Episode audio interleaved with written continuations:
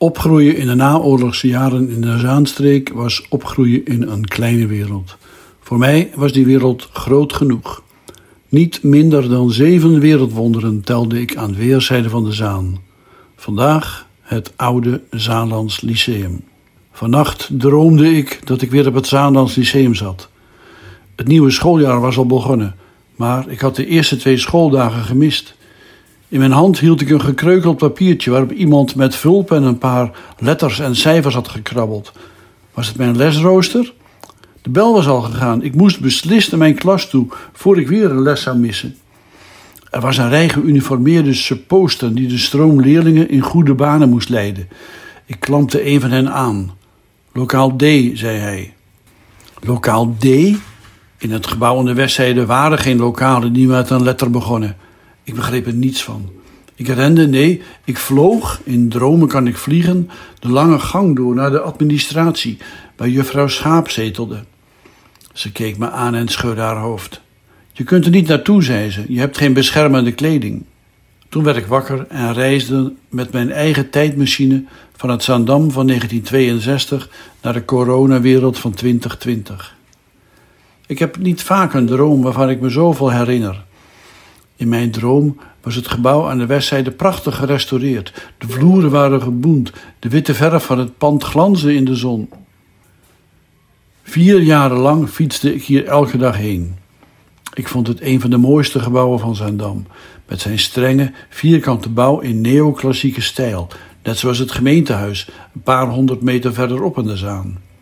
Hier werd ik onderwezen in de klassieken. Hier leerden we discussiëren. Hier leerden we vreemde talen. Hier stak ik de beginselen op van het Latijn. Hier droomde ik weg, terwijl ik naar de springende lokken en de ontluikende borsten keek van Patty, van Jerusha en van M.E. Hier in het wachthokje voor het pontje van het Ruiterveer staken we onze eerste sigaretten op, lieten jongens de uitlaat knallen van hun brommers en keken we voor het eerst naar vieze plaatjes die iemand in zijn tas had. Ik denk dat hun geesten hier nog steeds rondzwerven, uitkijkend over de zaan. Ik zie hun gezichten nog voor me, van Arnoud de Ridder, van Joep Veerman, van Henk Zoek, Marty Polman, Rob Stolk. Net als die klasgenoten van toen zijn verdwenen, is het oude gebouw van het Zaanlands Lyceum verdwenen van wat ooit de fluwelen westzijde was. De groene voordeur, waar de rector elke dag zijn fiets door naar binnen droeg, als het regende had hij een plastic kapje over zijn hoed. Het plein naast de school, waar je in de pauze rondjes liep, stiekem een sigaret in de holte van je hand. In je andere hand je Duitse leerboek om die verdomde meervoudsvormen toch onder de knie te krijgen. Das Amt, das Ambacht, das Band, das Bild en uh, scheisse.